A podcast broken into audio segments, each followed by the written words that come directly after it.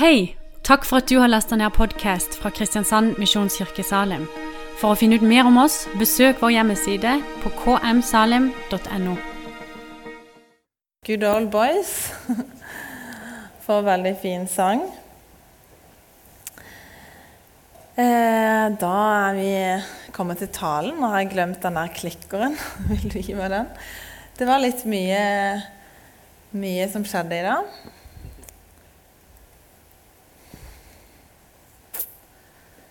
Men så bra. Da kan jeg jo si eh, godt nyttår. eh, takk. Fint å se dere. Det er første gudstjeneste jeg er på etter nyttår. i hvert fall. Jeg hadde en eh, deilig uke på Gran Canaria i uke én. Og så var det felles møter forrige uke. Jeg håper eh, mange av dere fikk med dere de. Jeg fikk med meg ett i hvert fall, og det var skikkelig bra. Som eh, Torbjørn sa, så begynner vi på ny taleserie i dag. Og vi skal ha to, nye, to store taleserier denne våren her. Og vi begynner på det vi har kalt for Guds rikes gaver.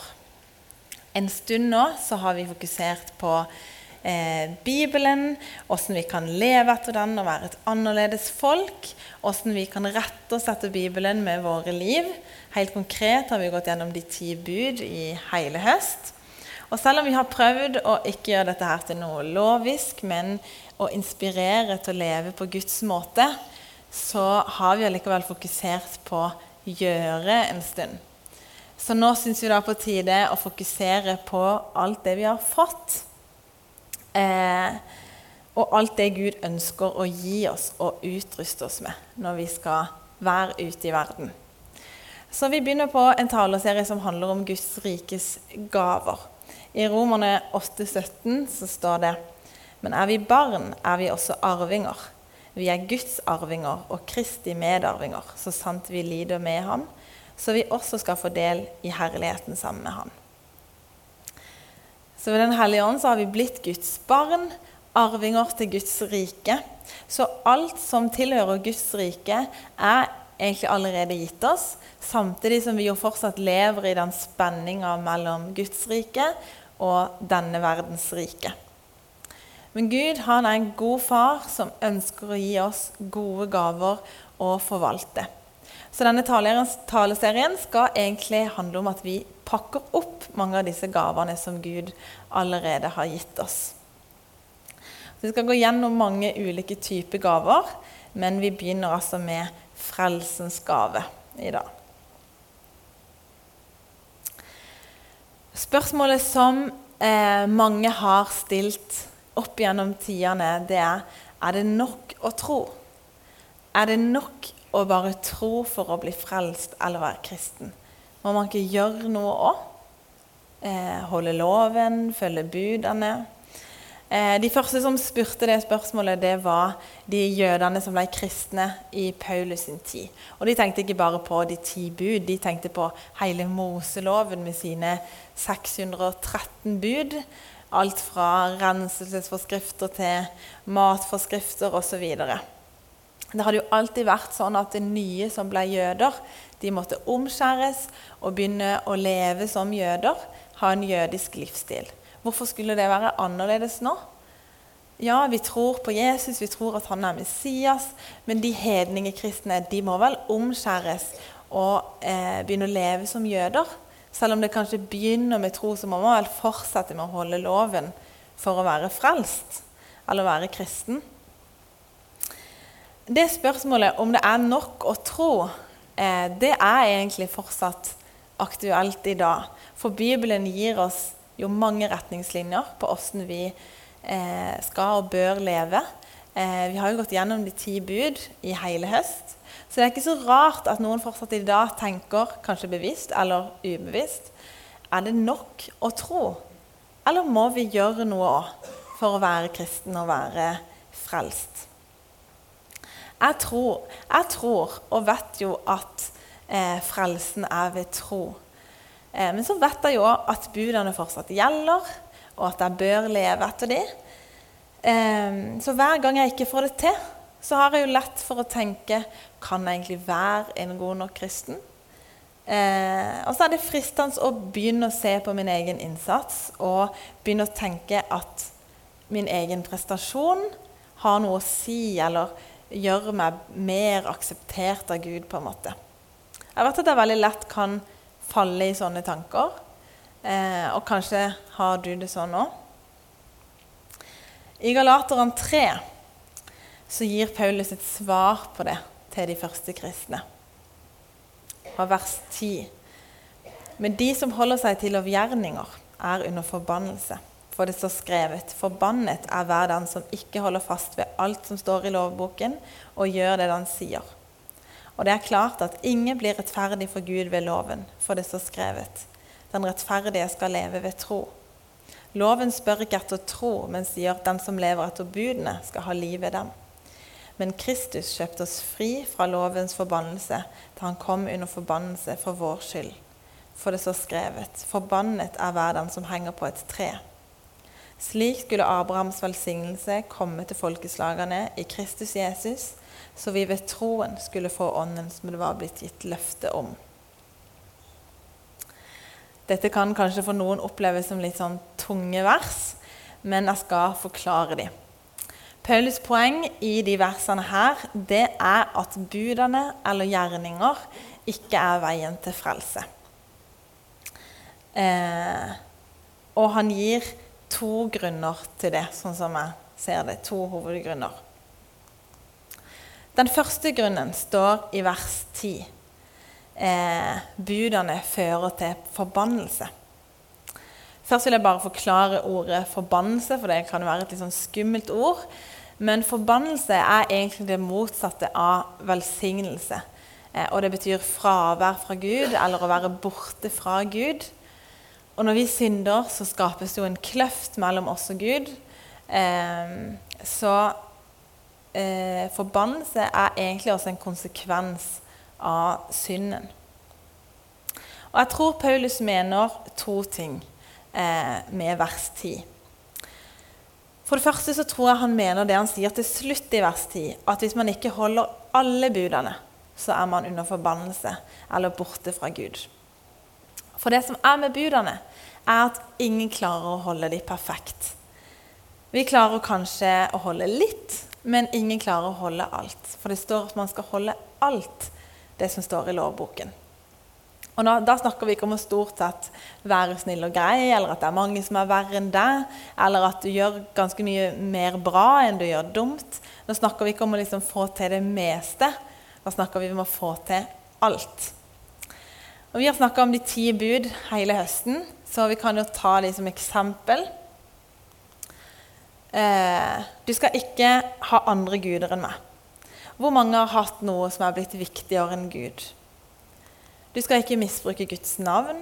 Hvor mange av oss har stilt spørsmål ved Guds visdom eller godhet, gitt Gud skylda for noe, eh, brukt Guds navn til banning? Du skal holde hviledagen hellig. Hvor mange har gått en hel uke uten å hvile? Du skal hedre din far og din mor. Hvor mange har gjort opprør mot foreldrene sine på en eller annen måte? Du skal ikke drepe. Eh, noen har jo drept et annet menneske, men veldig mange har blitt sinte eller utøvd vold. Du skal ikke bryte ekteskapet. Hvor mange har hatt sex utenfor ekteskapet, brutt ekteskapet eller brutt ned ekteskapet man er i? Du skal ikke stjele. Hvor mange har stjålet andres tid eller rykte, profittert på andre eller ikke tilbakebetalt noe.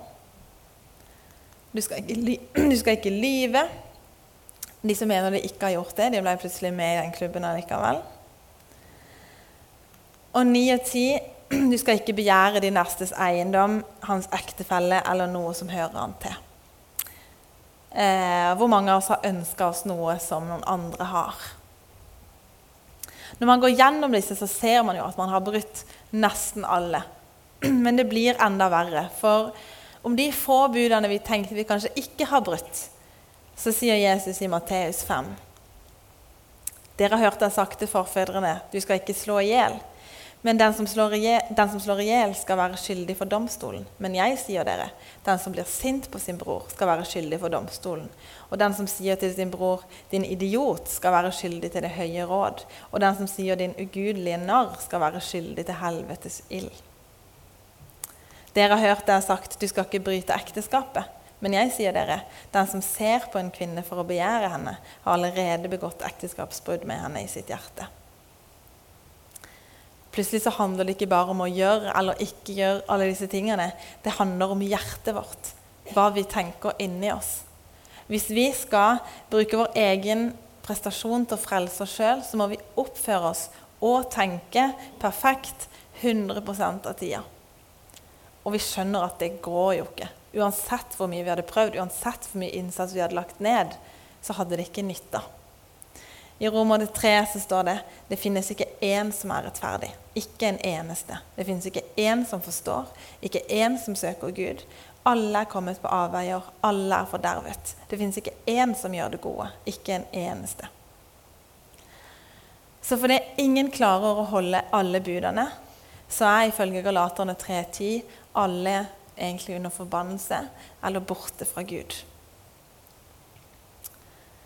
Så til det andre Paulus sier i vers 10, at de som holder seg til lovgjerninger, er under forbannelse. Jeg tror ikke han mener at man er borte fra Gud bare, bare, fordi man ikke klarer å holde alle budene, men også fordi man prøver å holde dem av feil grunner.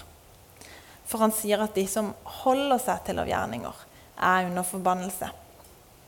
Det vil si at man prøver å bli akseptert av Gud eller få favør hos Gud eh, på grunnlag av gjerningene sine. At man bruker gjerningene sine og innsatsen sin for å på en måte prøve å oppnå frelse. Og Det kan vi kalle for loviskhet. Og loviskhet, eller egeninnsats, det er egentlig det motsatte av tro.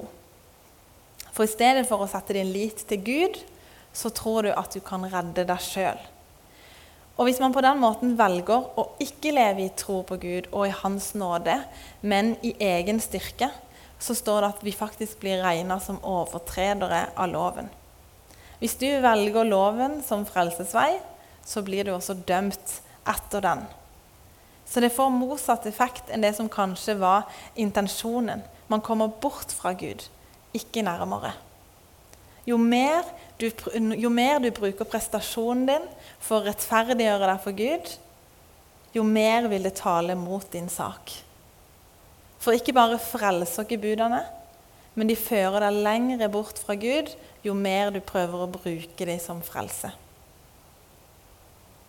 Og jeg tror egentlig ganske mange av oss kan kjenne oss igjen i den loviskheten at det er mange gjerninger og innsats vi kanskje egentlig gjør fordi vi ønsker at Gud skal like oss bedre, eller for at vi skal være bedre kristne. Eh, det kan se veldig ulikt ut, men plutselig så har vi perioder der vi lar sånne tanker fange oss.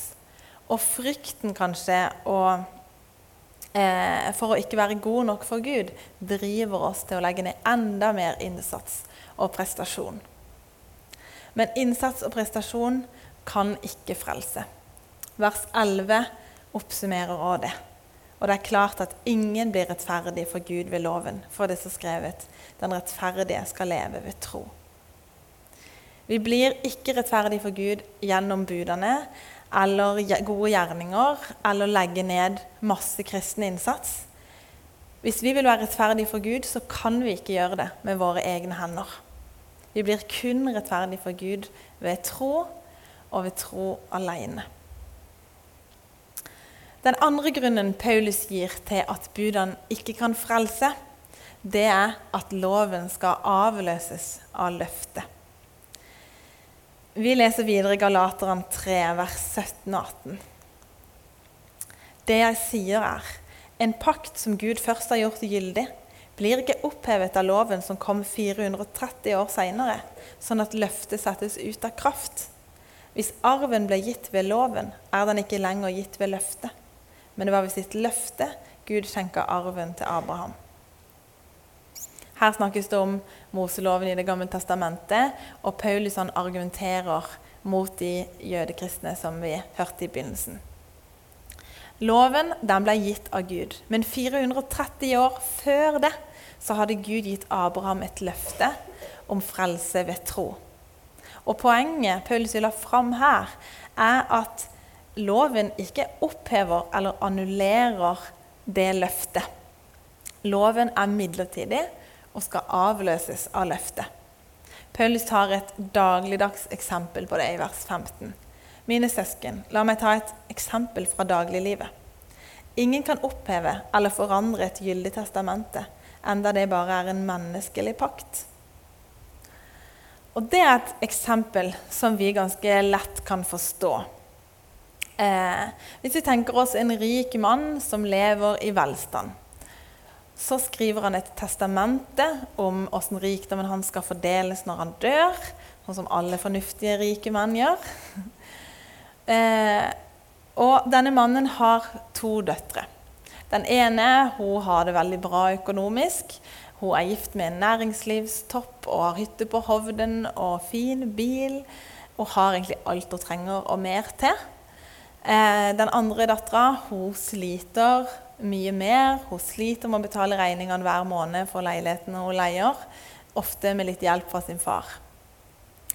Og I testamentet sitt da så velger han å gi ganske mye mer til den fattige dattera enn til den rike, fordi hun trenger det jo mer. Eh, men så dør denne mannen da. Eh, og rett etter han er død, så eh, blir den rike dattera skilt. Mister nesten alt hun har, og sitter igjen med lite. Mens den fattige dattera vinner i Lotto og plutselig har kjempemasse. Dette er jo bare et tenkt eksempel, men Uansett hva som skjer, så vil mannens testamente gjelde. Det rettslige testamentet vil være bindende på tross av nye omstendigheter eller nye betingelser. Og Det er det som er Paulus sitt poeng her. Når det er sånn med menneskelige pakter, hvor mye mer er det ikke da sånn med Guds pakt? Det at loven kom, satte ikke Guds løfte til Abraham om frelse ved tro ut av kraft. Gud hadde bare en langsiktig plan som Moseloven var en midlertidig del av, og der løftet var resultatet. Og løftet om frelse ved tro, det ble jo oppfylt ved Jesus. Og vi lever nå i den tida der velsignelsen som Gud lovte Abraham, er gjort tilgjengelig for alle mennesker. Veien til frelse er å tro på løftet som Gud ga Abraham helt fra begynnelsen av. De som tror på Jesus, skal ved sin tro få det som ble lovt. Og det er gode nyheter. For det betyr at frelsen ikke kan opptjenes sjøl. Frelsen er en gave. Han er helt gratis, uavhengig av våre prestasjoner. Frelsen er noe som gis oss ved tro, helt ufortjent. Det er en gave. I Efeserne 2 så står det For av nåde er dere frelst, ved tro. Det er ikke deres eget verk, men Guds gave. De hviler ikke på gjerninger, for at ingen skal skryte av seg sjøl. Jeg hørte en historie om ei dame som mangla frelsesvisshet. Og Hver gang det kom en ny predikant på besøk til menigheten sin, så sa hun Jesus har gjort sitt. Hadde jeg bare klart å gjøre mitt. Og Den fortvilte påstanden gjentok hun hver gang det kom en ny predikant. Ah, Jesus har jo gjort sitt. Hadde bare jeg klart å gjøre mitt.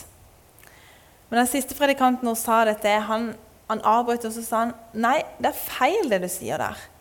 Jesus har ikke gjort sitt. Jesus har gjort ditt. Og det frigjorde den dama. Jesus har gjort ditt. Vi kan aldri klare å gjøre vårt. Vi kan aldri klare å leve eh, sånn som vi burde på alle måter, eller gjøre alt riktig. Vi er helt avhengige av at Jesus har gjort vårt. Frelsen avhenger av dagsformen vår eller hva vi har gjort. Frelsen avhenger av oss egentlig i det hele tatt. Frelsen bygger på det Jesus har gjort. Det er Bibelen krystallklar på. I Romerne 3 så står det Men nå er Guds rettferdighet, som loven og profetene vitner om, blitt åpenbart uavhengig av loven. Dette er Guds rettferdighet, som gis ved troen på Jesus Kristus til alle som tror. Her er det ingen forskjell, for alle har syndet og mangler Guds herlighet. Men ufortjent og av Hans nåde blir de kjent rettferdige, frikjøpt i Kristus Jesus. Ham har Gud stilt synlig fram for at han ved sitt blod skulle være soningsstedet for dem som tror. Slik viste Gud sin rettferdighet. Vi har alle synder. Så vi kan ikke oppnå frelse sjøl og med våre gjerninger. Så vår tillit og tro må være til noen som kunne leve det livet som vi ikke kan. Jesus han var uten synd. Han gjorde ikke noe kriminelt. Han var lydig til loven. Han var ikke skyldig i loviskhet. Han stolte på Faderen, og han levde i Åndens kraft. Han levde det livet som vi ikke klarer. Så vår rettferdighet og frelse kommer ved troa på Jesus som vår erstatning. Ufortjent og av Hans nåde blir vi erklært rettferdige, frikjøpt av Jesus. Vi flytter da troa over fra oss sjøl og over på Han. Han tok eh, synden og forbannelsen som vi fortjente, sånn at vi kunne få velsignelsen og ånd som han fortjente. Og sånn ble han vår erstatning. Han ble ansett som en synder. Vi blir ansett som rettferdige og feilfrie. I Galaterne 3, vers 13-14 så står det Men Kristus kjøpte oss fri fra lovens forbannelse da han kom under forbannelse for vår skyld. Slik skulle Abrahams velsignelse komme til folkeslagene i Kristus Jesus, så vi ved troen skulle få ånden som det var gitt løfte om. Jesus redda oss når han hang på korset. Når han avslutta med ordene 'Det er fullbrakt', da ble frelsesverket fullført. Da redda han oss fra forbannelsen. Da tok han vår ulydighet og forbannelse ikke bare fra oss, men for oss. Han tok forbannelsen på seg sjøl. Og Abrahams velsignelse, frelse ved tro, ble gjort tilgjengelig for alle mennesker. Tilgivelse for synderne, samfunn med Gud, Den hellige ånd, hele pakka blir gjort tilgjengelig for alle som vil tro på Jesus. Og det er den eneste måten å bli frelst på. Å bli kvitt forbannelsen eller fraværet Gud, fra Gud på. Og slutte å stole på oss sjøl, men vende oss til Jesu kors. For det er ingenting vi kan gjøre fra eller til for å bidra til vår egen frelse. Det eneste vi kan gjøre, er å si ja til å ta imot frelsens gave i vårt liv. Resten har Jesus sørga for. Men hvorfor har vi da fått loven og budene, kan man jo lure på. Det er flere grunner til det. Den første grunnen til at Moseloven kom, var at han skulle definere og tydeliggjøre synden. Videre i teksten i Galaterne 3 så står det Hva så med loven? Den ble gitt som et tillegg pga. våre lovbrudd, helt til den etten, som løft, helt til den etten kom som løftet gjaldt. Og i Romerne 3 Vi vet at alt det loven sier, er sagt til dem som har loven, for at hver munn skal tie og hele verden står skyldig for Gud. For ikke noe menneske blir rettferdig for Gud pga. gjerninger som loven krever. Ved loven lærer vi synden å kjenne. Loven kom ikke for å fortelle oss om frelsen, han kom for å fortelle oss om synden. Han ble lagt til for å identifisere den allerede eksisterende synden i menneskenes hjerter Jeg skal ta et eksempel på det. Si at du f.eks. ikke stoler på legen din. Du har en eh, mistillit til legen din.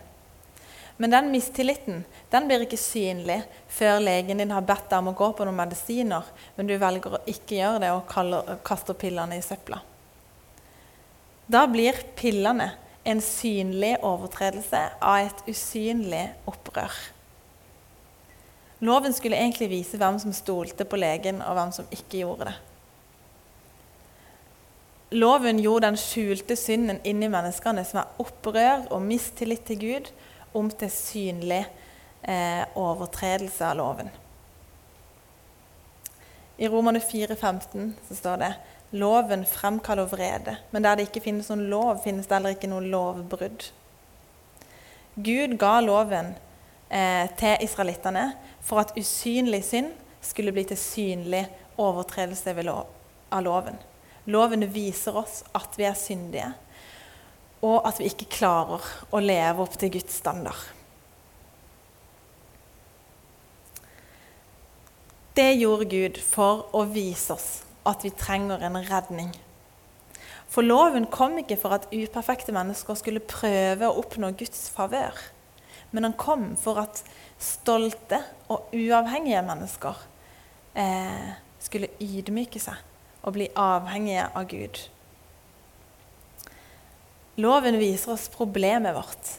At vi er lovbrytere, at vi er fullstendig under syndens makt.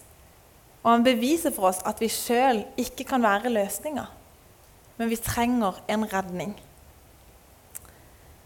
Loven har makt til å vise oss at vi ikke er rettferdige, men han har ikke makt til å gjøre oss rettferdige. Det trenger vi Guds nåde til. Lovens bud med alle de 'du skal' og 'du skal ikke' ble ikke gitt for at du skal frelse deg sjøl. Den ble gitt for at du skulle se at du trenger en frelser. For at du skulle se at du trenger noe utenfor deg sjøl til å frelse deg. For dine egne hender klarer det ikke. Den andre grunnen til at loven kom, er altså at vi skulle se at frelsen ikke kan oppnås på noen annen måte enn gjennom troa på Jesus. I Galaterne 3, vers 22 så står det men Skriften har lagt alt under synden, for at de som tror på Jesus Kristus, ved sin tro kan få det som var lovet. Loven kom for at de som tror på Jesus, skulle få det som var lovt. Synden er betalt for. Ånden utøses over alle som tar imot. Og de fine ordene som står i Romerne 5,20, gjelder for oss. Loven kom for at fallet skulle bli stort. Men da synden ble stor, ble nåden enda større. Nå har vi snakka litt om hvorfor Moseloven kom. Men hva med de budene vi har i dag, da? Hvorfor gjelder de fortsatt? Eh, grunnen til det er at de gir oss en retning for livet. De viser oss hva som er rett og galt. For selv om vi tror, så er det ikke slutt på rett og galt. Og det er ikke sånn at vi bare skal slutte å bry oss og fortsette å synde eh, selv om vi tror. Da har vi ikke skjønt poenget. Vi skal ikke gjøre gjerninger for å prøve å bli akseptert av Gud. Men tro og kjærlighet til Gud, det vil føre til lydighet og et ønske om å gå i de retningslinjene Gud har for oss. Eh, ikke gjøre for å få, men få og derfor gjøre. Budene kan ses på som en bruksanvisning for livet, en veiledning i det kristne livet. Eh, de både forhindrer skader og beskytter oss fra ting som er ødeleggende for oss. Eh, og så viser de oss hva som er et rett og godt liv, eh, sånn som Gud vet er best for oss. De viser oss hva Guds gode vilje for oss er. Så tilbake til spørsmålet. Er det nok eh, å bare tro for å bli frelst? Eller må vi gjøre noe òg? Svaret på det er jo ja. Det er nok å tro. Jesus er det eneste som frelser. Ingenting annet. Ingen av dine gode gjerninger kan frelse deg. Det er troa di og hjertet ditt Gud er ute etter. Din ydmykelse i det å innse at ikke du kan frelse deg sjøl, men du trenger en frelser. Lovisk strev for å få favør hos Gud, det bare virker mot intensjonen. For Gud er ikke opptatt av å se hva du kan få til. Han er opptatt av at du skal komme til Han og være avhengig av Han. Man kan bruke eh, loven og budene til loviskhet, som fører deg bort fra Gud og fører til død. Men man kan òg bruke loven og budene til å komme nærmere Gud. Til å se enda mer av hvem Jesus er, og hva han har gjort for oss. Derfor er det så viktig å vite eh, hva loven er, og hvorfor loven og budene kom.